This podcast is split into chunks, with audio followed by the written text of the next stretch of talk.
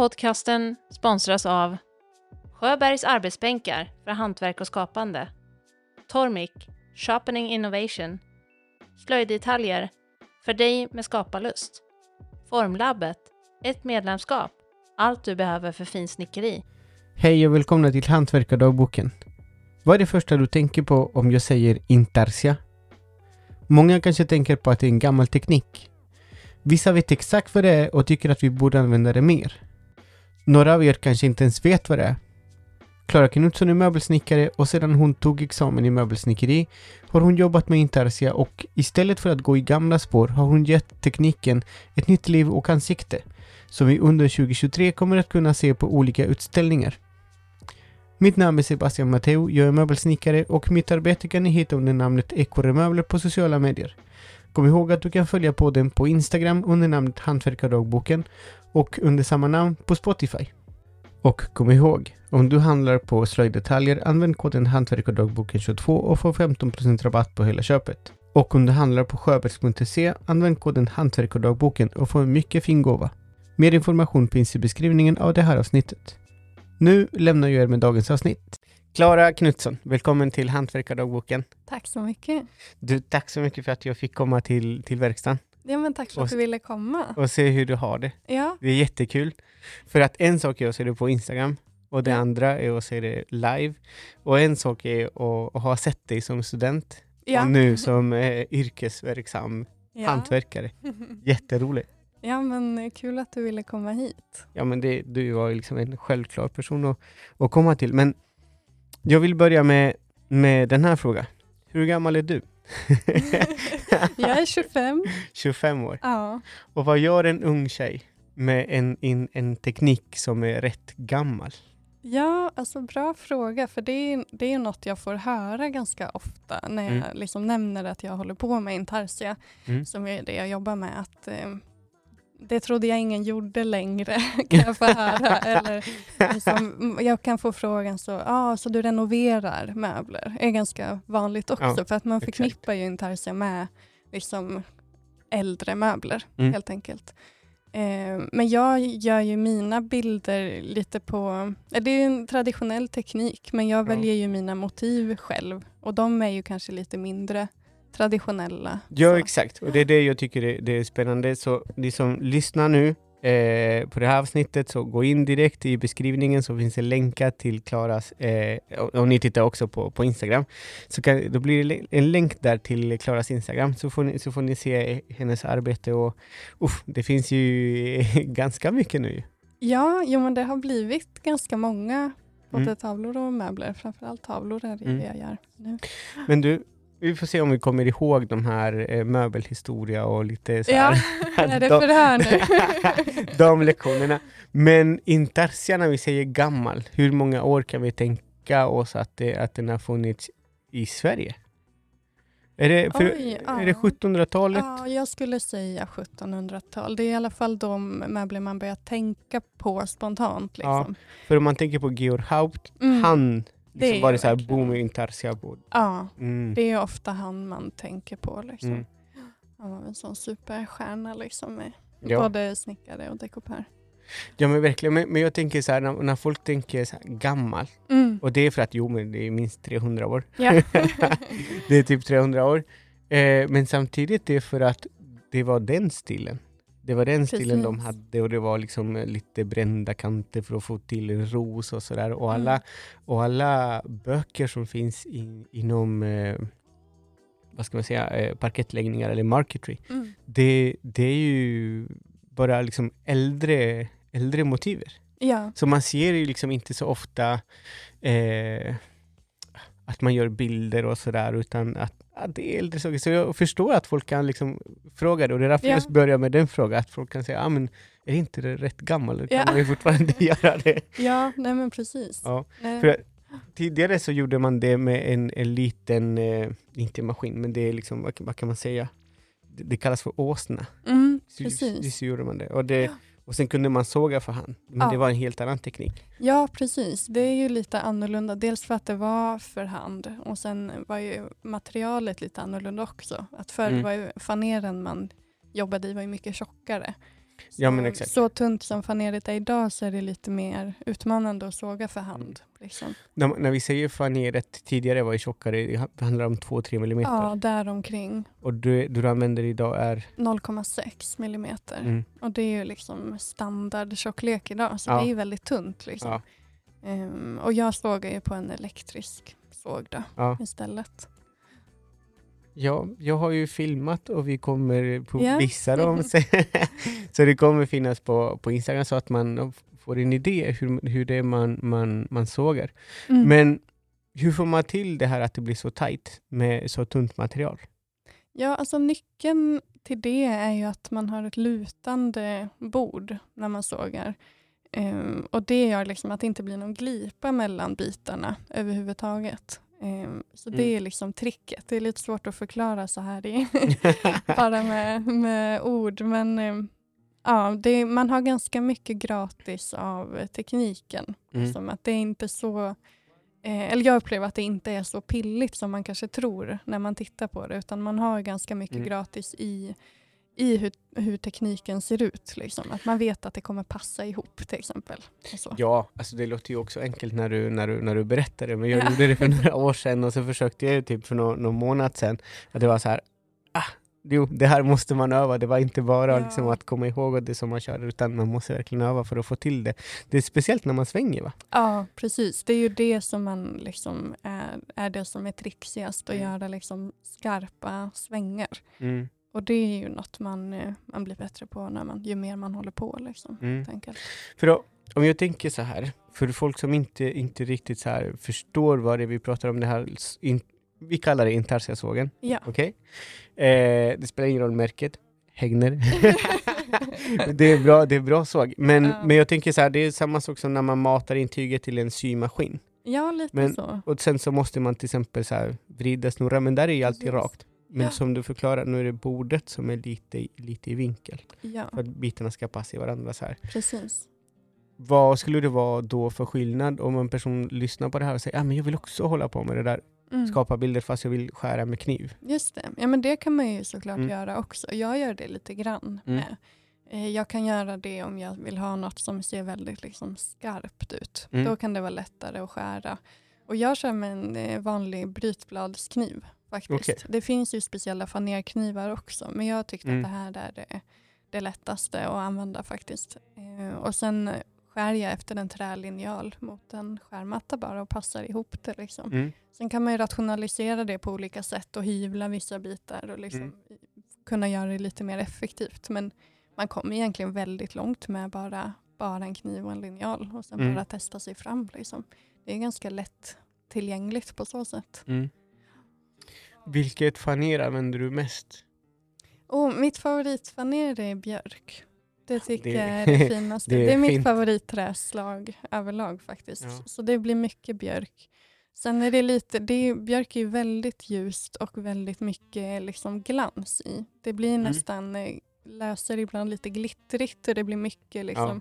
Och det är det jag tycker är fint. Men man får också vara lite klok med vart man placerar det. För det kan sticka ut väldigt mycket också. Mm. Ja, Så när jag gör porträtt och ansikten och så, då kan jag knappt använda björk för att det är för mycket liv i det Mm. istället. Och då, om man ställer det emot, man kanske gör en bild där man använder liksom, eh, det ljusa i ask tillsammans med björk. Mm. Och då sticker björken ut jättemycket.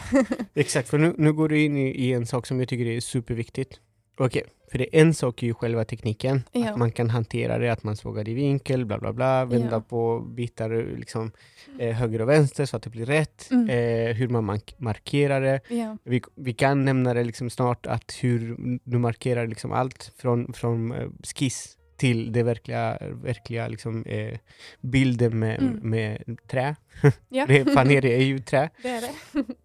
Men samtidigt så, och det, det här har jag alltid, alltid tänkt på sen, sen, sen jag såg det på skolan på Manses, att du är väldigt konstnärlig. Mhm. Så du liksom, när man tittar, just nu tittar jag på en av de bilder som du har skapat, men färger väger, sa en designer till mig en gång och jag hade så otroligt svårt att förstå det för att jag, jag kan särskilja, jag har inga problem med att se färger, Nej. men samtidigt att jag tänker att färger väger Mhm. är ju lite så här. ah, Och sen när hon pratade om en komposition, hur man Ja. skulle liksom disponera färgerna. Ja.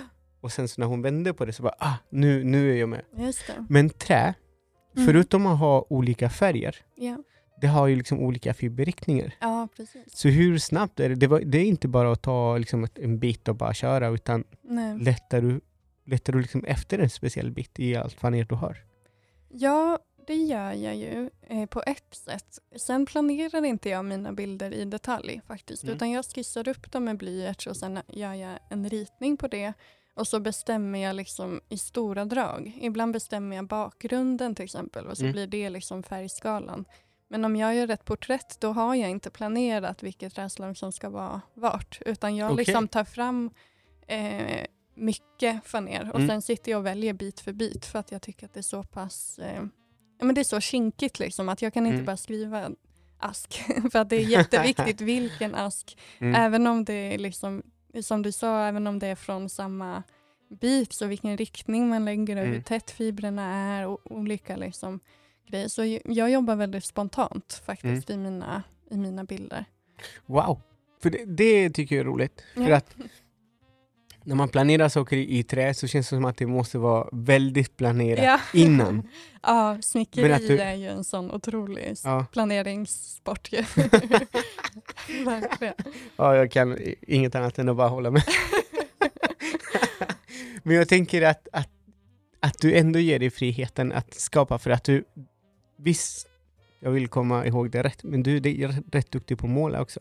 Ja, men jag målar en del. Mm. Eh, mindre nu tyvärr. Nu blir det ju mycket intarsia. Men jag Mm. tycker om att måla och jag har gjort det en hel del. Och där kan man liksom fortfarande dra någon parallell. Verkligen. Som måla och hålla på med intarsia. Ja, absolut. Och att du ändå liksom, ja vi pratar liksom, säger precis om att man ska planera jättemycket när man jobbar i trä, Mm. möbelsnickeri och sådär, men ändå att du tillåter dig liksom den friheten att ah, det är det här träslaget, det är det här. Så här. Exakt. Och det är, för mig är den processen mycket mer lik när jag målar än Mm. när jag snickrar. Jag tycker liksom intarsia, ja, intarsia-arbetet ligger närmre måleri än snickeri. För mig. Mm. Liksom. Eh, att det är en mer liknande process som när jag målar. Att det Mm. måste ske i stunden. För har jag planerat det för noggrant då är man inte tillräckligt liksom, närvarande när man jobbar. För att Mm. varje bit du lägger dit förändrar alla bitar runt den. Har du Mm. gjort en bild och sen lägger du i något ljust, då förändrar det alla, alla andra färger och kommer få dem att se mörkare ut eller kommer få Mm. dem att förändras. Så jag tycker det är svårt att planera alldeles för, för Mm. mycket. Liksom. Och det är ju också den lyxen jag har i och med att jag både skissar och tillverkar mina bilder. Att jag kan ju vara precis så eh, odetaljerad som jag vill för att jag behöver liksom inte kommunicera det till någon. Mm. Och det är klart det är en skillnad om man liksom, om jag jobbar på uppdrag och får en skiss, då behöver man ju ha ett mycket tydligare Mm. sätt att kommunicera. Liksom. Men i Mm. mina egna verk så är jag väldigt eh, ostrukturerad, oplanerad i alla fall. jag, jag tänker på, håller du på, på med en bild bara? Eller kan det vara flera olika så kör du lite, lite åt gången på, på flera olika? Oftast har jag en faktiskt. Mm. Just nu när du är här har jag faktiskt två på gång och då är det ett Mm. uppdrag och ett, en egen. Mhm. Eh, men ehm, ja, jo, men det, så det är lite, det varierar Mm. lite faktiskt. Men i regel är det en i taget. Ofta har jag kanske någon jag skissar på och någon jag sågar. Mm. Men jag brukar bara hålla på och såga en. Och det är lite bara logistiskt att då vill jag ha den färgskalan framme på, på Mm. arbetsbordet. Liksom. Och har jag flera bilder kan det bli stökigt att jag blandar ihop vad som var till vad. Mm. Så det är bara en rent så eh, ja, praktisk grej. Men du, jag, jag vill göra kanske stor parentes i allt vi, vi pratar om nu. Mm. Kanske inledande frågan är hur viktigt var det för dig, för du har gått en, en kandidatexamen, eh, en kandidatutbildning heter det, Ja. på Malmstens, och där du har din kandidatexamen i möbelsnickeri. Men hur viktigt var det för dig att i den utbildningen, att du kunde hitta rätt för dig och inte liksom bara ha ett kvitto på, på hur ska man säga det, ett kvitto på vad du är liksom. Förstår du Mm. vad jag menar? Och att det inte Ja. bara så här möbelsnickeri, utan där fanns det liksom tre möjligheter. Det var, det var så här, du kan plugga vidare, du kan Mm. bli riktigt vass, riktigt vass möbelsnickare Ja. och eh, eh, mer till konsthantverk. Ja. Så hur viktigt var det, var det för dig? Alltså nu i efterhand kan jag känna att det var väldigt viktigt Mm. såklart. Eh, och jag är väldigt glad att eh, jag fick lära mig den här tekniken på skolan Mm. för att det är ju eh, svårare om jag hade behövt göra det helt på egen hand såklart. Mm. Utan jag hade ju en, fick ju en grund där. Eh, men när jag tackade ja till Malmsnäs och sökte och så, då hade jag nog inte riktigt det i beräkningen att säga, ja vi får se vart det här leder, utan då Mm. var jag mer inriktad på just möbelsnickeri och tänkte nog att utbildningen var kanske smalare än vad den är. Mm. För det är ju som du säger, att det är ju, och det ser man ju på folk som har gått snickeri, att det är väldigt olika vart man Mm.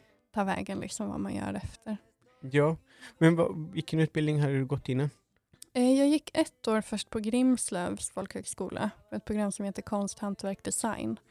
Eh, Okej. Och sen gick jag ett år i Grebbestad och läste Ja, trä, eh, trägrundkurs tror jag att den heter. Det är första Ja. året där. Mm. Men det är ja, en möbelsnickeri. Ja, Grebbestad är jätte, jättebra skola Ja. och otroligt fint läge. Verkligen, ja, ja verkligen. Och det var jättehärligt att att bara, dels utbildningen men också bara bo där såklart. Det är så vackert. Och, ja. de, de har någon typ av internat va? ja, jag bodde faktiskt inte på internatet, men Mm. det har de. Och det var likadant. På Grimslöv bodde jag på internatet också. Mm. Så det blev två folkisår. Liksom där. Där hör ni folk, det, det finns utbildningar runt Det om i finns, Sverige så det är ja. bara att kolla upp det och söka. Ja, verkligen. och det är ändå, jag tycker det är ändå härligt att, eh, att bo på internat. Ja, jo, men absolut. Mm. Det, det har ju någonting verkligen. Och även när jag inte bodde på internatet bodde jag ju väldigt nära liksom, Mm. mm. Grebbestad. Så. Mm. Ja, absolut. Man kunde ju vara där mycket. Och, och så. Mm. För då, det, det, jag, det jag tänker på, det du säger till exempel, du var mycket mer inriktad på möbelsnickeri när du började på Malmstens. Eh, och jag berättade det här nästan lite grann som en anekdot typ, men Mm. när jag började första året så tänkte jag ja, också så här, bara så här, köpa bara japanska verktyg och bara Ja. nörda mig jättemycket i olika, i olika verktyg och tekniker och så här olika typer av möbler. Men sen så var det så här helt baff en gång när jag gick in i, i, i ateljén Mm. Och så finns det liksom en naken person som vi skulle, som vi skulle liksom rita av och jag bara vad är det här? Ja. Och förutom att här, vad är det här, var det så här, vad har det här för koppling med, Ja. med möbelsnickeri? Är det inte bara gå ner i verkstaden? Är det inte bara där vi ska lära oss? mm. Och sen, ja, sen föll, eh, Polletten ner. Ja, jo. Mm. sen så bara, jo men fan. Men första året var det lite så här väldigt mycket information och jag var bara så här chockad på något sätt. Bara, Ja. så här, "Åh, Okej, nu har det gått ett år, vad är det, vad är det jag ska göra? Men Ja. andra året var det liksom det väldigt mycket som släppte då. Ja, ja nej, men och det är ju, de, de konstnärliga bitarna uppskattar ju jag väldigt mycket. Eller jag kom ju lite från det hållet. Så det med att teckna kroki och så, för mig kändes ju det ganska Mm. naturligt på ett sätt. Eh, Mm. I och med att jag ja, hade gjort det lite grann tidigare och så. Mm. Eh, Men, oj, lite längre tillbaka då, gymnasiet. Ja, jag gick bild och form på gymnasiet, Okej. estetprogrammet eh, i Norrköping då, där jag Mm. bodde då. Eh, så där var det ju mycket kroki och mycket Mm. teckna självporträtt och lära sig olika tekniker. Och, Mm. eh, färglära och perspektivlära. Och Mm. mycket, det är en ganska gedigen, nej, jag känt i efterhand, liksom, att det är en ganska gedigen bildutbildning. Eh, ändå. Mm. Jag känner att jag har haft väldigt stor nytta av den grunden som lades då. Liksom. Mm. Ja, vad kul. Ja, Kul ja, att känna faktiskt. så, liksom, att, Ja, precis. att man har en nytta av saker och inte känna så här, oh, förlora ett år. nej, nej, precis. Men du, du är utbildad möbelsnickare, ja. En riktig vass en. Du hade betyg nästan fem, vilket är det högsta betyget på, på ges- eh. Ja, precis. Du fick det lilla, det lilla silver... Vad fick du? Fyra 4,96 fick jag. och det högsta är en femma. Ja, så det Så var det ganska nära. Väldigt nära. väldigt nära. Och det, det, ja, man får tycka vad man vill om gesällprov och allt det där, men där har du liksom verkligen så ett, vill inte säga kvitto, men, men ändå du, best, nummer ett, att våga bestämma sig för att göra gesällprovet. Mm, Att sen är det mästare som granskar den, den möbeln. ja. Man lägger ju blod, svett och tårar, Absolut. kanske mer tårar.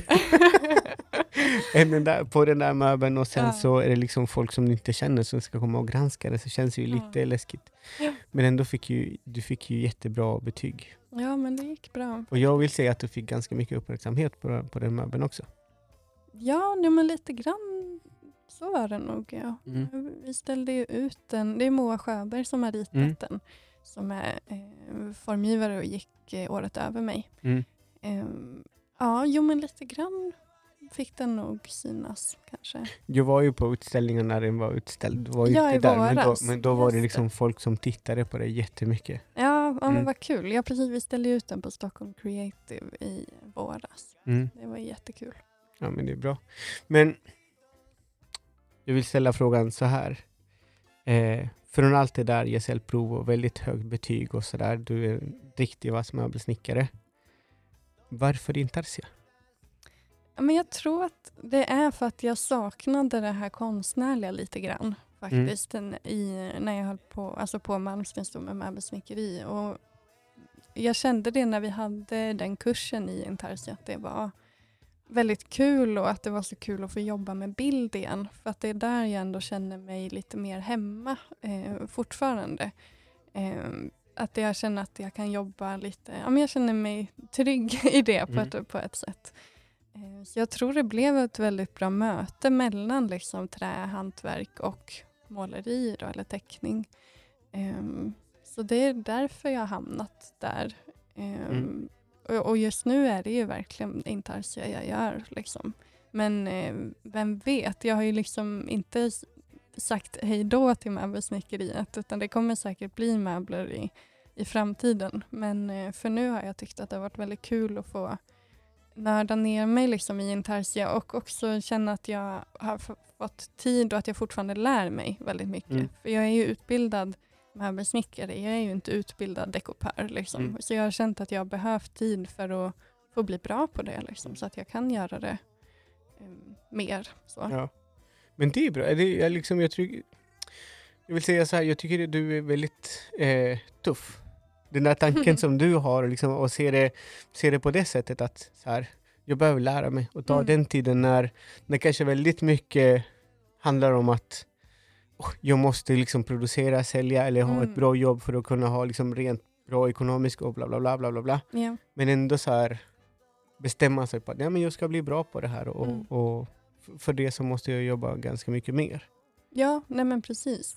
Ja, och sen jobbar jag ju såklart och försöker ju sälja mina grejer Mm. också. Ehm, men också ju duktigare man blir ju bättre grejer kan man ju göra. Så det Mm. går ju lite hand i hand. Liksom. Eh, och jag, det är väldigt kul att känna att man, att man utvecklas. Exakt, för det här investering i tid, Mm. det är inte bara liksom att eh, bara tiden som går utan du blir mycket, mycket vassare för, det, för varje moment som går. Ja men så är det och det märker jag ju själv eh, såklart att jag blir snabbare och, och jag, ju duktigare man blir så blir man ju mindre begränsad. Ja. För att nu behöver inte jag, alltså i och med att jag har hållit på nu ganska många timmar, då Mm. känner jag att jag kan rita dem, vilka motiv jag vill egentligen. Jag behöver inte Mm. anpassa dem så mycket för att det ska vara liksom tillräckligt lätt för att, för att Mm. tillverka. Och det är väldigt lyxigt liksom, för då blir man mycket friare i, sitt, ja, i det konstnärliga arbetet. Eh, Så det har också känts viktigt att jag ska få den här tillräckligt bra kunskap för att kunna göra vilka bilder Mm. jag vill. Liksom. det är vågat, för att det, som du tänker så, så kanske andra, och, eller, jag har ju också tänkt så här, jag skulle vilja göra det här men vissa saker har jag vinklat till det jag kan Mm. och inte till det, till det jag inte riktigt, känner mig lite osäker på. Mm. Så det är liksom, eh, ja, det är tufft. Liksom. Det, är, det är bra beslut att så här, s- säga ja, men jag, jag ska göra på någonting, hålla på med någonting lite svårare så att jag lär mig och blir lite vassare. Ja, nej men precis. Och det är ju alltså, det är inte... Jag gör ju bilder på, på den nivån jag är och successivt känner jag att jag blir duktigare. Liksom. Det är heller Mm. inte att jag har känt att det har varit en viktig poäng att göra så, så, så svårt som möjligt nödvändigtvis heller. Men det är just där att jag vill kunna rita de bilder eh, som känns eh, liksom naturligt eller som ja, de motiv jag känner att ja, men det här vill jag göra, det här blir Mm. snyggt. Liksom. Och då vill inte jag behöva sen skala av en massa Mm. utan då vill jag kunna behålla det Mm. så som jag vill ha det. Liksom. Och då måste jag ju kunna tillverka liksom det. Ja, men det är bra. Men du, ditt examensarbete, Ja, vad handlar det om? eh, mitt examensarbete heter ju ornament och det Mm. handlade om eh, ornamentik och dekorationer i, i möbelvärlden. Mm. Eh, för jag, eh, i och med att jag hade ju då ett, ett stort intresse för intarsia och så märkte jag ju att eh, det var inte så många, så många andra som hade, höll jag på att säga. Nej men det, intarsia är ju inget man ser på särskilt mycket nyproducerade möbler helt Nej. enkelt. Nej. Eh, och det lade jag märke till och då började jag fundera på vad det beror på. Att det har försvunnit så pass mycket. Mm. Eh, så mitt arbete handlade om det. Liksom, vad har hänt med de här dekorativa hantverken? Mm. Varför har de försvunnit så pass mycket som de har? Eh, så det skrev jag om. Wow. Det, är- alltså, det är stort för att det... Eller jag vill ställa frågan, kom du fram till någonting?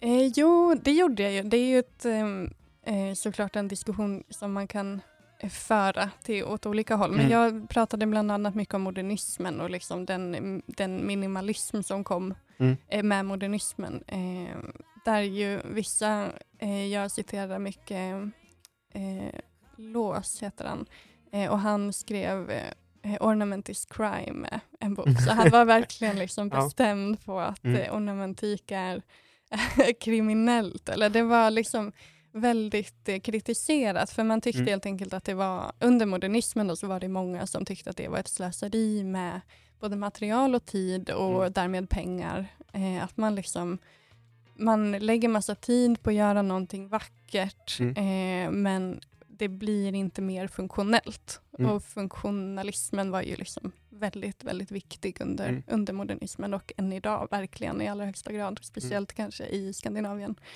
Ehm, och det var väl det jag kom fram till att det fick de konsekvenserna i och med att, och det är ju helt enkelt att det blev mindre populärt, det blev mindre trendigt Mm. med liksom ornamenterade möbler utan man ville ha det mer avskalat, Mm.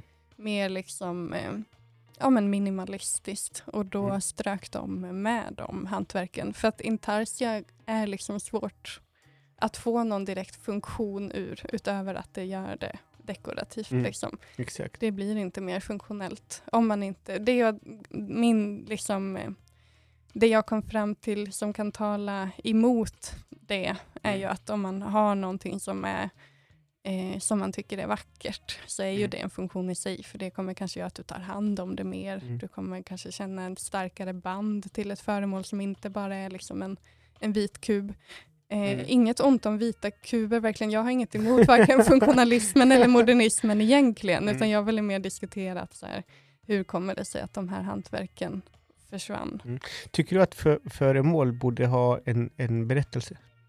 Ja, men jag tror att om de har en berättelse och om de har ett liksom säreget uttryck eller liksom Mm. en, eget, en egen form, då tror jag att man som eh, konsument eller som ja, den som ska använda produkten jag tror att man kan ha lättare att knyta an då. Om, då Mm. kanske man, speciellt, alltså storytelling är ju en variant av det. Mm. Men även om, om man ser en tavla som man kanske inte vet någonting om eller en produkt som har Mm. liksom det här och man känner att man knyter an till den och man känner det där handlar om Mm. mig eller det där kan jag relatera till.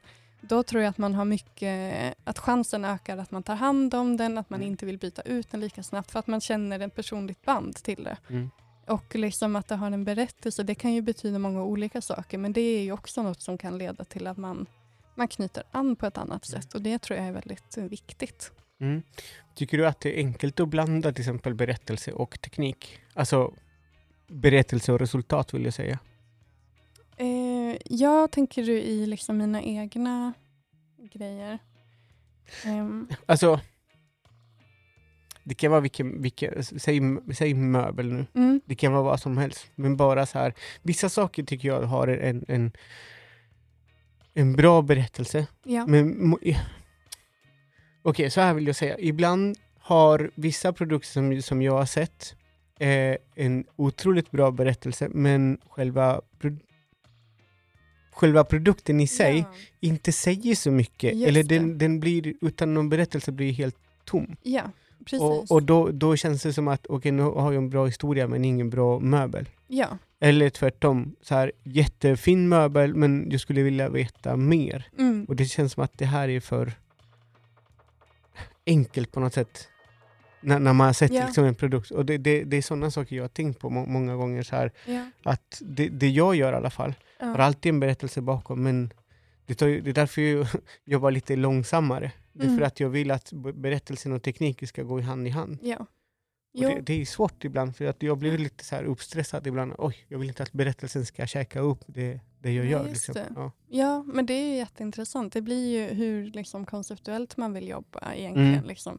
Jag tycker väl att allting behöver kunna stå för sig självt. Både, Mm. Även om det är konst eller design eller liksom möbler eller vad som helst. Att om du ser en produkt och inte knyter an till den alls utan att höra berättelsen. Mm. Då tänker jag att den inte...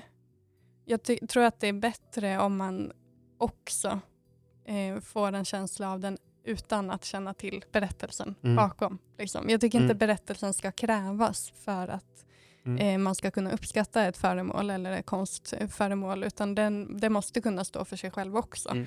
För, och det är väl också en rent liksom, praktisk grej. Liksom, eller att det, man måste kunna ställa ut sina saker eller visa en bild och sen inte behöva stå och prata, förklara varför det är bra Mm. utan det ska märkas. Liksom. Ja. Det tänker jag är ambitionen i alla Ja. fall. Ja men verkligen.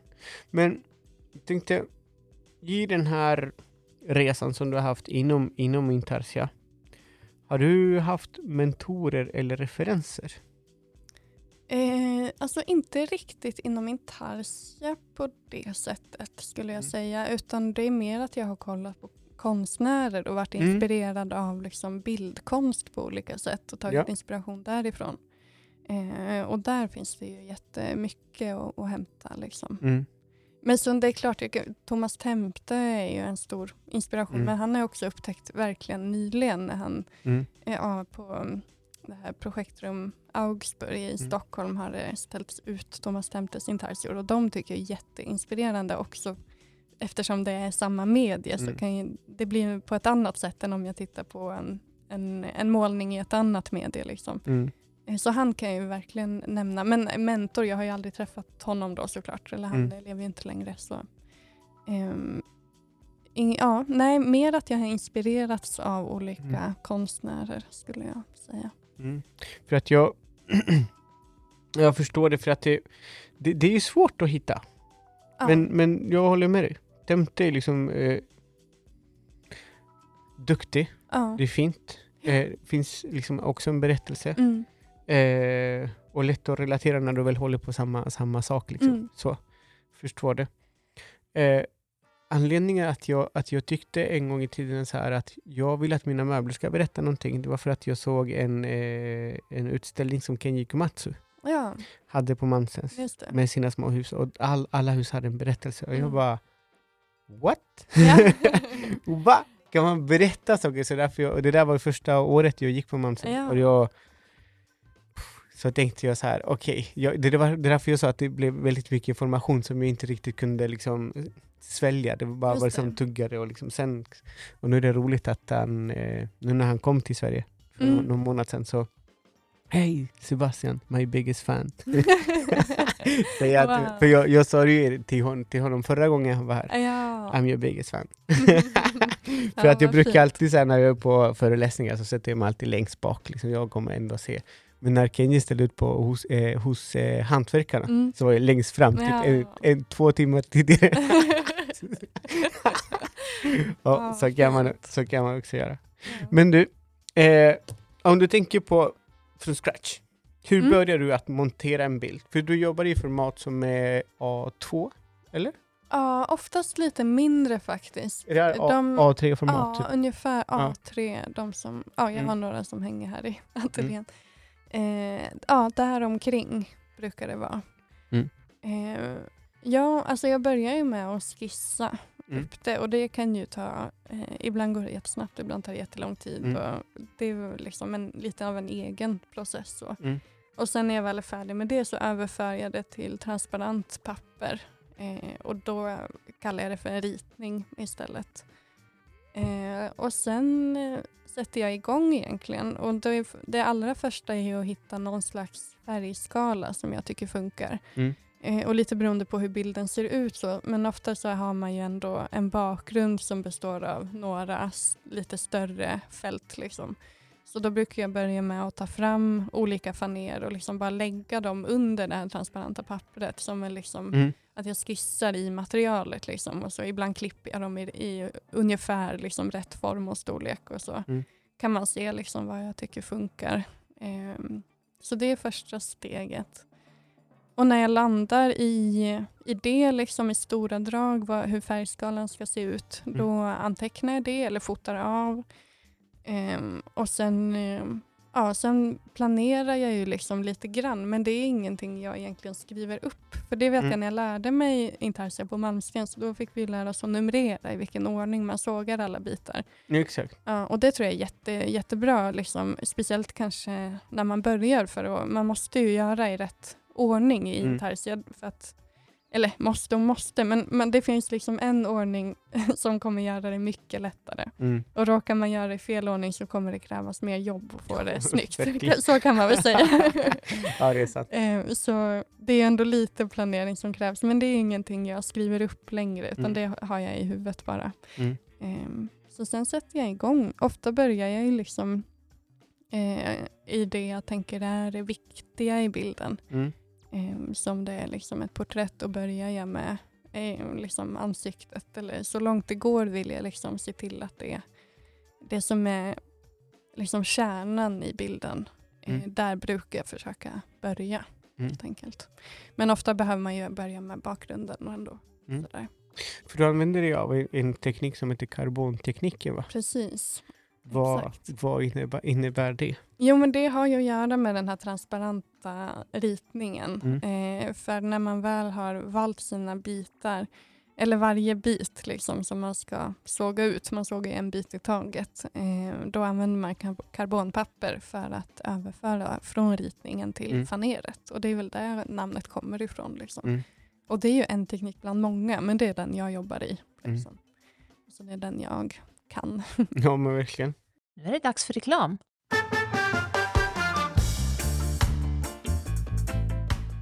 För att presentera våra sponsorer så har jag min kompis Ida som är biolog men älskar att skapa. Hej Ida!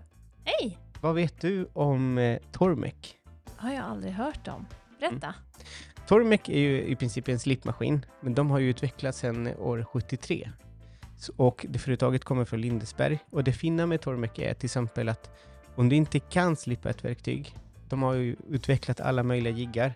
Så de har allt till knivar för att slöjda, köksknivar, de har jiggar för yxor, för saxar, allt du kan tänka dig. Och om du känner att, att du inte vet någonting, då är det bara att du plockar fram handboken som du också har och skrivit på olika språk. Eh, och sen i princip efter 20 minuter så kan du vara igång. Bara börja slipa dina verktyg. Jaktknivar, allt du kan tänka dig. Ah, coolt! Ja, verkligen. Om jag säger Sjöbergs arbetsbänkar, tänker du på någonting? Då tänker jag på arbetsbänken som står hemma i ditt vardagsrum. ja, det är så sant. Det är så sant. Jag såg på det avsnittet jag pratade med dem att jag skulle aldrig någonsin ha en bänk i vardagsrummet, men nu har jag liksom en, en Sjöbergs original 1900 och det hände ju så mycket på den. Du såg också att jag byggde hela underredet. Mm. Ja, jag älskar den bänken. Det känns inte riktigt som att jag kommer kunna ta bort den därifrån. nu. Den har sin plats alltså. Exakt. Och företaget fyllde precis 100 år. Så under 100 år så har de tillverkat arbetsbänkar. Ett jätteintressant företag från Stockaryd. Eh, och de säljer ju världen över också. Så det är liksom svensk hantverk när det är som bäst. De har hyvelbänkar eh, för hantverk och skapande till, och de säljer till skolor. Det är liksom träslöjd, textilslöjd, hemmabyggaren. Alla kan ha en bänk hemma också. Det är de här jag snart då. Ja. du som alltid gillar att skapa, Ida. Eh, jag har ett tips till dig. Jaha. Formlabbet heter det. Det är i princip ett snickeri där du blir medlem, betalar medlemskap varje, varje månad och så har du ett visst antal timmar eller dagar för att kunna jobba i snickeriet. Vad coolt. Va, vart ligger det här? Det finns i Alby vid Zootopia. Det ligger ungefär 20 minuter från stan, så det är inte så långt. Mhm. Och kan du ingenting eller kan du någonting sen innan, det är ju bara bra, men kan du ingenting så kan du gå nybörjarkurser. De har hittills tre kurser och om du blir medlem under hösten 22 så kommer du ha mig som lärare där. Jaha! Ja, så det, det är bara att komma. Mer information finns på formlabbet.com. Har du varit på slöjddetaljer? Ja, det har jag. Många gånger eller? Jag brukar beställa online. Mm. Eh, Men när vi var ute på husbilstur förra sommaren, då var jag till eh, moderaffären i Skara förstås. Där. Wow! Dit måste jag också. Ja. Där kan man ju hitta allt. Man kan hitta trä, knivar, garn, pärlor, maskiner, färg, papper, pär- alltså allt möjligt. Kan, allt, det är så stort och brett där. Jag vet, det är som en godisaffär att gå in i. Exakt. Men det, det som är roligt är att det som har precis fått ögonen för ett visst hantverk kan ju köpa de första grejerna där och också avancerade saker. För jag som professionell hantverkare kan också köpa maskiner där. Man kan ju köpa Sjöbergs produkter, man kan köpa Tormex produkter där också. Så det är som sagt stort och brett. Om man vill stödja den här podcasten, hur gör man då? Ja, i år blir det, har jag bestämt mig, att man kan stödja podcasten genom Patreon. Och Patreon är ju en hemsida där det finns olika kreatörer. Och du, det finns ju olika länkar, olika, olika nivåer och sådär. Men hittills så har jag bestämt mig att jag kommer bara ha en nivå och det är bara eh, att stödja på den. Och det kan ju leda att jag kan göra olika resor eh, runt om i landet och hälsa på olika hantverkare. Så där finns ju liksom en länk. Det, det enda som man tar lite tid att man måste bli medlem i hemsidan, men det är ungefär som Netflix.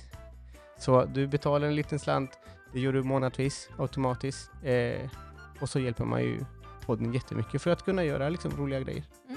Självklart.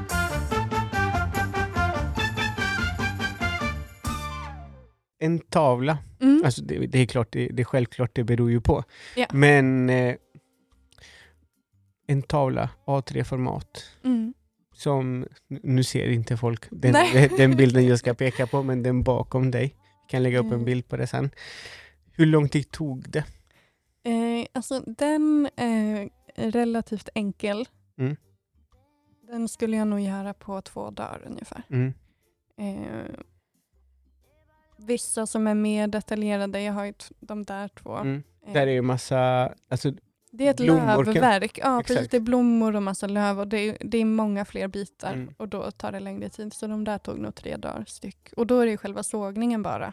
Innan dess har jag skissat och efter det ska jag limma och slipa och eh, sätta kantlister och ytbehandla. Och. Mm.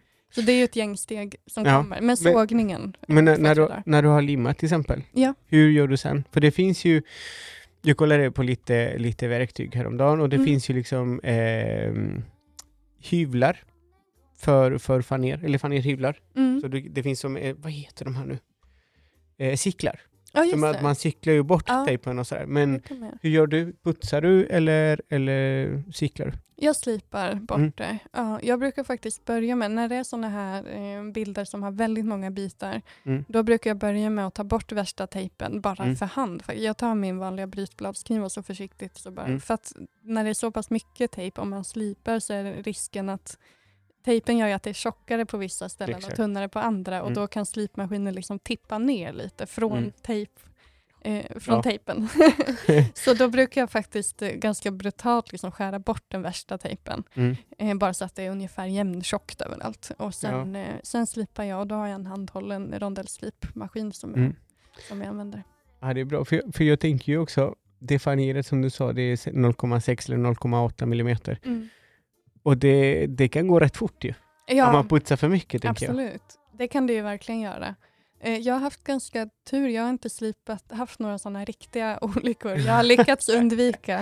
Eh, däremot så tar jag alltid eh, jag slipar alltid bilderna när de är liksom större än vad de ska bli i slutändan. För Mm. jag upplever att det är mycket lättare att slipa igenom på kanterna av bilden. Mm. Eh, så det är väl en sån liten säkerhetsåtgärd. Liksom. Mm. Eh, men absolut, och det är också det att jag vill skära bort en del tejp innan jag börjar slipa så att man inte står och slipar liksom försöker slipa bort någon tejpbit och så märker man inte att man eh, går igenom någon annan del av slipen. Liksom. Mm. Utan jag brukar försöka ha det ganska relativt Mm. rent eller jämnt liksom, redan innan jag slipar. Mm. Eh, Men det är ju tunt, absolut. Man får ju vara lite försiktig och hålla koll. Liksom. Verkligen, Ja. verkligen. Men du, jag tänker från all liksom skapande och konsthantverk och, och, och allt man, man tycker det är roligt att, att hålla på med en teknik eller liksom Mm. skapa vill jag säga också. Ja. Eh, driva företag. Mm. Hur, driv, hur driver du ditt företag? Eh, alltså jag jobbar ju både med egna eh, projekt, alltså egna tavlor och bilder och de eh, ställer jag ut. Eh, jag har framförallt, eller hittills har jag ställt ut bara i liksom grupputställningar. Mm. Eh, men jag kommer ha mina tre första egna liksom separatutställningar nästa år. Så nu jobbar jag liksom inför det. ja. Wow, grattis! ja, tack. Det känns jättekul. Så Berätta, nu- vart, hur, Eh, när? den första är i Linköping, på hemslöjden i Linköping. Wow. Eh, och där ställer jag ut i slutet av mars och en månad Mm. framåt. Eh, och sen ställer jag ut eh, i Borlänge konsthall Mm. i, i november. Eller om det är slutet av oktober kanske. Mm. Och sen ställer jag ut i Falun på Galleri Hörnan på vintern i Wow. december. Vad roligt, grattis nej, igen. tack! Ja, det känns jättekul såklart. Eller Mm. det är ju det man, man vill göra såklart, ställa ut. Liksom. Ehm, så det gör jag, det är en del. Mm. Eh, och förutom att ställa ut så säljer jag en hel del tavlor bara liksom över Instagram. Att jag Mm. lägger upp där och så är det någon som frågar om får jag köpa den? Eller jag har också en hemsida och ibland Mm. är det någon som skriver där. Och, Passa, passa på säga det nu.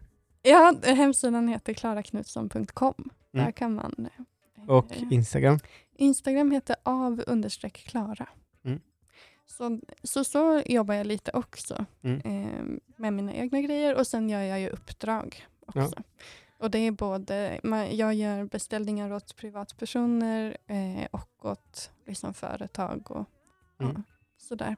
Men jag är ju väldigt ny än så länge Mm. men eh, ja, både, både och, både eget och uppdrag. Liksom. Till den utställningen till exempel i mars, Mm. eh, har du något tema? Eller liksom håller du på de bilderna just nu?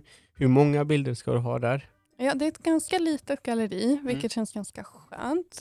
Att liksom börja i lite mindre skala, så det känns lite tryggt. Mm. Eh, och det, alltså, jag har inget jag har ett tema, ett visuellt tema som jag Okej. jobbar kring. Mm. Eh, och du ser ju den här stora Ja. tavlan, det ser ju såklart inte lyssnarna, men ja, jag har en stor Mm. tavla som är på gång. De kommer få se det i mars i Linköping. exakt, exakt. eh, men, men så jag har ju ett tema, jag har liksom inget bra namn på det, men det handlar ju om liksom eh, miljöer, alltså både interiörer och exteriörer. Eh, och sen, eh, alltså det jag jobbat med mycket är att försöka hålla mig inom en ganska smal färgskala. För att det, det är lätt att hamna i den fällan tycker jag med intarsia, att det blir för skrikigt. Att man blir väldigt förtjust i att det finns Mm. olika träslag i olika färger och så är det Mm. lätt att bara dra på med det. Mm. Men i den här utställningen vill jag liksom ha en lite mer, vad kan man säga, sober känsla kanske. Att Mm. det är lite mer nedtonat och lite mer eh, sammanhang liksom, i bilderna.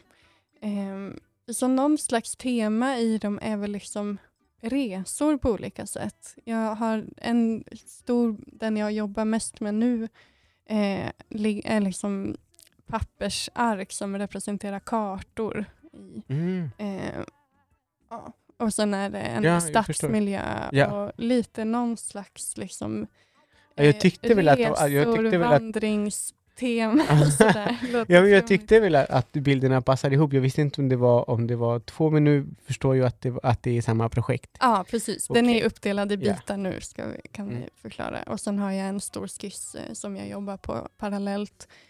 Ehm, ja, men någon slags liksom eh, dels det här färgtemat Mm. och sen den här känslan av liksom resa eller vandring eller Mm. den typen. Kan du berätta lite grann vart vi är? Ja, vi är i min ateljé som jag hyr. Eh, på VIP Stockholm heter ateljéföreningen som ligger utanför telefonplan.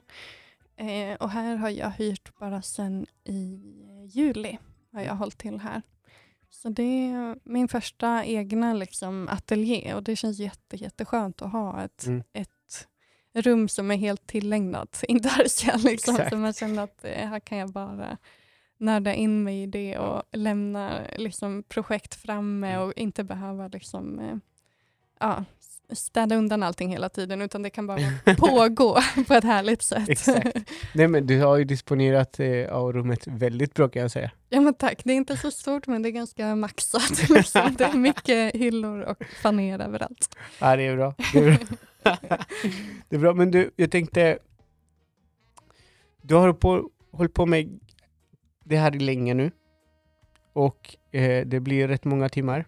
Mm. Skulle du tänka dig att kunna göra gesällprov i Intarsia eller dekupöryrket?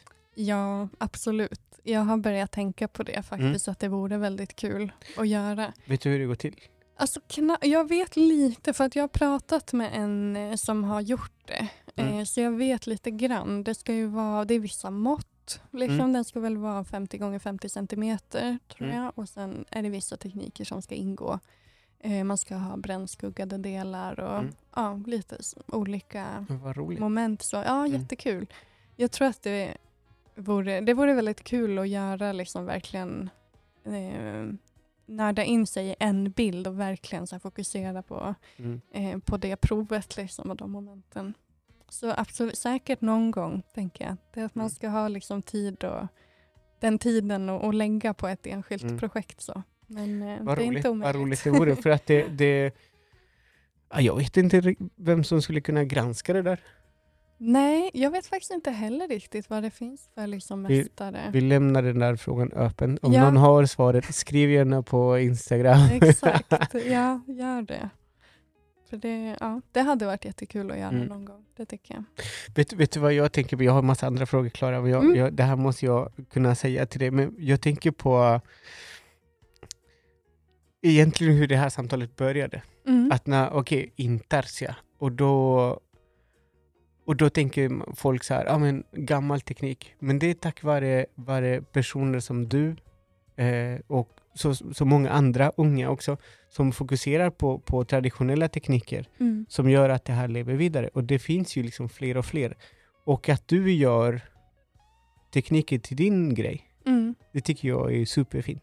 Ja, Att det är liksom... Ja, ibland är det svårt att formulera exakt hur man vill säga saker och ting. Eh, men det jag vill säga är så här. Ibland kan någon säga att det är lite respektlöst. Mm. Att så här, åh, hur kan de göra så där när Intarsia liksom kommer, liksom så här, har varit så stort på 1700-talet och det ska vara så här och så här. Mm. Men snälla, jag menar, det är 300 år efter. Ja. Det du gör är aktuellt, det, det du gör är idag. Och säkert att folk tittar ju på dig. Och yngre tittar ju också på dig. Och om tio år så ka- kanske någon ska precis börja på Intarsia. Och kom, du kommer vara en person som kommer vara deras referens. Så som inte finns kanske för dig idag. Eller liksom, Just det. Ja, nej det är sant. Ja, och det hoppas, det vill man ju såklart vi- om man jobbar i ett eh, mm, lite mindre hantverk. Det är såklart jättekul om man kan liksom hjälpa till att hålla det vid liv på något sätt. ja. Men- Absolut. Det här alla arbete du har, liksom, alla timmar som du har lag- lagt ner eh, och jobba med Intarsia, Mm. det har ju också lett till stipendier. Ja, ja, men det har det Kan- gjort. Kan du berätta lite grann? Ja, För absolut. det, det, det är flera va? Eller? Eh, Ja, jo, men det, det kan man säga. För jag, dels hade jag ett residens i Bodafors i våras och det fick jag genom eh, Carl Malmstens hantverksstiftelse. Men det var ett fint stipendium som jag fick. Hur länge var du där? Eh, en månad ungefär. En månad? Mm. I, Oj. liksom jag var där i, ja, i lite olika omgångar men allt som är allt ungefär Mm. en månad. Får jag fråga? Jag vet att du ska berätta om alla andra stipendier också.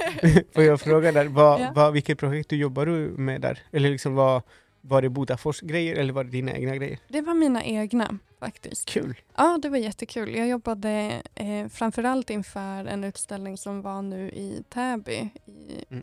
nu, ja, den stängde för ett par veckor sedan. Mm. Eh, som hette Nutida konsthantverk. Eh, så där hade jag med fyra ganska stora tavlor så jag jobbade inför den. Mm. Eh, och sen gjorde jag ett par uppdrag också. Eh, ja, lite blandat, lite olika grejer som jag hann med. Och också såklart prata med besökare och visa Mm. runt i verkstaden där. Och det är en bevarad gammal intarsia-verkstad Mm. som eh, finns i Bodafors. Och där.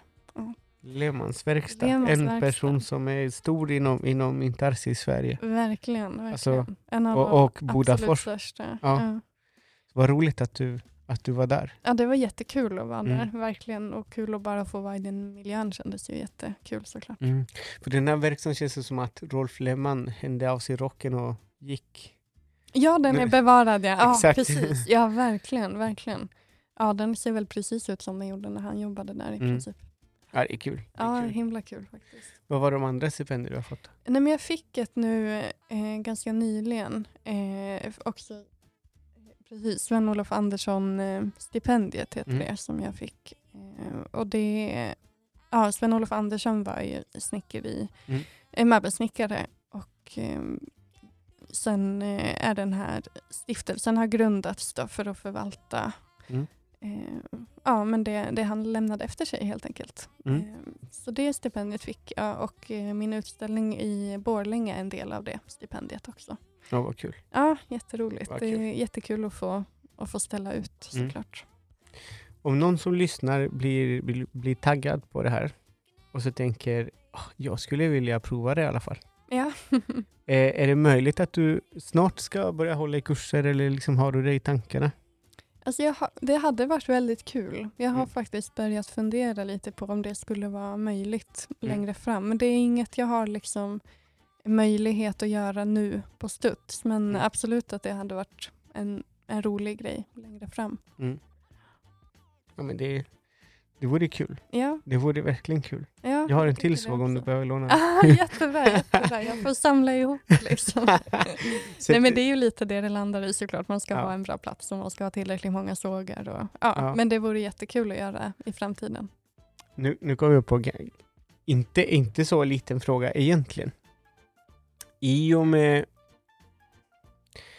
kriget, Mm. i och med allt som händer runt om i världen, så är det svårt att få tag på både material och maskiner. Mm. Det är en grej att reflektera Ja. över det nu. Eh, när jag köpte min såg så tog det ungefär två månader Ja. innan jag fick den. ja, det var likadant för mig faktiskt. Ja. dröjde. Det var ju ett bra tag sedan nu. Men det är också ganska ovanligt. Eller för du fick kanske också beställa utomlands ifrån. Eller? Ja, genom ett svenskt Ja, företag, ja, ut- precis, från, från utlandet i alla fall. Ja. Eh, men får du liksom alla, alla tillbehör till maskinen? Är det, är det lätt att få tag eh, i, i Sverige? Eller måste du alltid Eh, beställa utomlands? Nej, jag har beställt eh, Mm. inrikes så det Mm. har gått bra. Sen var det, jag köpte liksom på mig mycket när jag, direkt när jag När man startade. passar på. ja men lite så och jag fick med mig liksom lite reservdelar och så. Sen så länge Ja. har jag inte behövt köpa så mycket nytt liksom. Okej. Eh, utan jag har gått runt på det. Däremot köper jag ju såklart eh, ja, men små grejer, liksom Mm. tejp och ja, sånt som går åt sågblad. Mm. Och, Mm. Så mer eh, förbrukningsvaror. Exakt, det, det som går åt. exakt, exakt. ja, det är bra. Men ja, om folk vill hålla kurser kanske de kan börja höra av sig till dig i alla fall så att du har liksom någonting att Just utgå det, ifrån. just Okej, det. men det, nu är det tio. Ja, ja, men absolut, det får man gärna göra. Ja, det är bra. Men du, du har ju också ställt ut, du har nämnt några platser, men i år känner jag Mm. att du har varit överallt. ja, Alltså okej. från, från eh, vad heter den här eh, fina utställningen? Eh, Tänker du på Liljevalchs? Liljevalchs. Mm. Du var ju precis. med där. Ja, där var jag med. Mm. I, precis i, i våras på Mm. vårsalongen på Liljevalchs. Eh, med några tavlor. Mm. Så det var kul. Och sen, ja. Känner du att du, att, att du liksom är så här, du ansöker om, om alla utställningar? Alltså jag är lite så, absolut. Jag söker mycket grejer. Ja. Eh, och det är ju för att jag är ändå i en uppstartsfas verkligen. Jo, Så jag vill liksom eh, ja, men synas på Mm. så många platser som möjligt egentligen i Mm. det här stadiet. För Mm. att bara liksom få ut mina grejer. Ja men verkligen. Men om man lyssnar på tidigare avsnitt i podden, jag tror Mm. att de flesta tipsar om, om, det, om samma sak. Ja. Eh, att precis i början så måste man söka eller nästan ta emot alla möjliga jobb Mm. och sen söka till varenda utställning som Ja. finns och söka alla stipendier som finns och det är bara Ja. liksom att köta så att det blir så att det blir hur man har tänkt sig. Ja men precis, man måste ju försöka nå ut liksom Mm. helt enkelt. Jag tänker på, så, för snart ska vi börja, börja runda av samtalet. Jag Ja. tycker det har varit superintressant. Ja, Roligt att få, att få höra det. Eh, men vad har du fått för feedback från folk? Liksom, vad, vad, om, jag, om jag ställer frågan så här, vad, har du varit bredvid någon som tittar på dina saker utan att de vet vem du är? Ja, det har jag faktiskt varit. Speciellt på Liljevalchs var det Mm. lite så. Och det är ju så himla kul med, oss- med, eller att jag fick ställa ut där var ju så roligt för att det är ju många som går dit. Mm. Liksom. Och då var jag där några gånger och såg andra titta på mina grejer. Liksom. Och det är väldigt kul med Intarsia i och med att det är så ovanligt idag. Så är det ju så att de flesta förstår ju inte riktigt vad de ser. Mm. Men det, man har liksom inte det, det med sig att ah, ja, men det här är en, en till Intarsia. Liksom. Utan det är ju väldigt ovanligt. Mm. Eh, så då framförallt ser man ju att folk står och funderar, liksom, kliar sig i huvudet. Är det trä? Hur har de gjort det här? Liksom, vad, hur funkar det? så det är, ju, det är ju ganska roligt faktiskt. Mm. Ja men det är bra. Vad roligt, eller roligt tänker jag också att få uppleva det eh, bredvid dem och inte liksom alltid det här det vanliga. Att man står och presenterar och så säger Mm. folk så här, "Men vad roligt, vad fint, vad skicklig du är, inte vet jag. Men att få titta på dem, hur, reagerar de när Ja. de ser mina saker? Ja men det är ju jätteroligt. Verkligen. det är det ju faktiskt. Ja, det är bra. Men du, lite, eller inte lite, men kanske så här, vad har du för drömmar för framtiden? Alltså min dröm är ju att få fortsätta först och främst. Mm. Jag vill ju såga mycket mer intarsia och jag vill bli mycket duktigare eh, Mm. på det. Eh, nej men drömmen är ju att få liksom fler separatutställningar och få jobba m- ännu mer med egna grejer. Samtidigt som jag tyckte att det var jättekul med uppdrag. Alltså väldigt, väldigt Mm. roligt och just för att lära sig också. Att liksom få någon annans skiss och jobba utifrån det. Det är väldigt lärorikt och väldigt, väldigt kul att liksom få dyka in i någon annans bild. Mm. Så, det är, så jag vill absolut inte tappa det heller. Utan, Mm. Ja, nej men få fortsätta, kanske uppgradera till en större ateljé vore väl jätte, Mm. jättekul i framtiden. Ja, Ja, men vad roligt och roligt det, det du, intressant det du säger.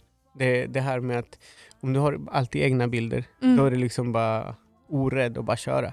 ja nej, Om men jag, precis. det kommer liksom en annan, en annan design om man får säga så. ja, Då måste du liksom förhålla dig till formerna, till detaljer, till färger, till material och väldigt mycket. precis. Ja, och man har ju sätt att, att skissa på liksom. Så när Mm. det är någon annans hand liksom, som har gjort det, linjerna ter sig lite på ett annat sätt. Mm. Och, eh, och det har varit eh, väldigt, väldigt kul att jobba med, med Mm. andra. Liksom. Vad kul. Ja. Vad kul. Men du, när, när eh, alltid när, när eh, eh, samtalet håller på att ta slut så brukar Ja. jag alltid fråga vad du har för, för rekommendationer eller budskap som du vill dela med dig. Mm. Eh, och det kan vara vad som helst. En bok, utställningar, öppet hus. Det kan vara ditt eget Instagramkonto. Ja. det kan vara poddens konto. ja, det kan vara vad som helst. Har, har, du no, har du någonting som du vill dela med dig? Eh, ja, jo, men faktiskt den dagen det här avsnittet släpps så är det öppet hus här Mm. på, eh, på VIP där jag eh, hyr min ateljé. Och, Mm. och det är ju jättemånga ateljéer, vi är väl 70 pers ungefär. Om jag, 70 pers. Ja, så vad, gör alla, and- vad gör alla andra? Bara inte Arsia? Det är bara Intarsia.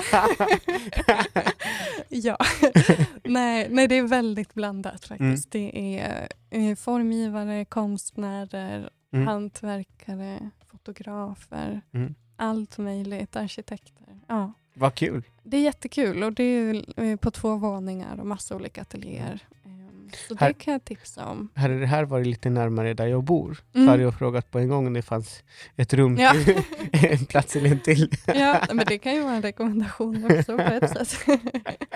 Ja, verkligen. Har du andra rekommendationer? Eh, ja, jag, jag var på en utställning på Valdemars udde för ett par veckor sedan med Mhm. Isak, Isak Grünewald som Mhm. eh, var konstnär. Eh, den kan jag verkligen rekommendera. Det Mm. var superfint och inspirerande och väldigt liksom Ja men det är ju så stort där så det var väldigt kul att gå i de Mm. här. Liksom. Det är stora verk och, och många verk. Liksom. Mm. Ja men jätte, jättehärlig utställning. Du Klara, tack så hemskt mycket. Tack för att själv. mitt i, mitt i allt i ditt arbete så stannar du upp, tar emot mig, vi har tagit lite bilder på ditt arbete, vi har filmat lite, vi spelade in en, en hel timme. Ja, ja Så det är vad fort liksom- det gick. det går ju fort va? Ja. det var roligt att vi, att vi fotade och filmade innan, för sen efter samtalet så blir man alltid lite så här, "Ah, vad, vad, sa, vad sa vi? Pr- har vi pratat om det? ja. Nej men du, det återigen så otroligt kul att få, att ha fått sett dig växa på skolan, på Malmsens, i, den, i, den, i den rollen, Mm. eh, och sen nu som konsthantverkare. Ja. Och, och jobba med en teknik som vi, som vi har sagt, vissa säger gammal, vi säger Ja. traditionellt, men med mycket Mm. möjligheter.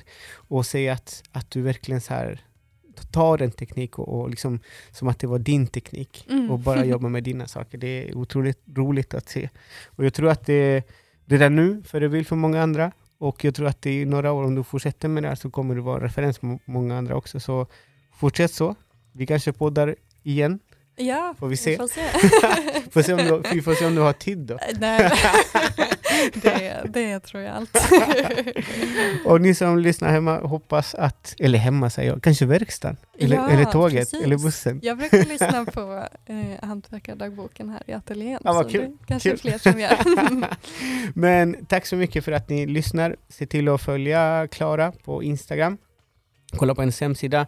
Följ även podden Hantverkardagboken på Instagram och även på Spotify där ni kan betygsätta på den. Så folk, tack för att ni lyssnar så hörs vi nästa gång. Hej då!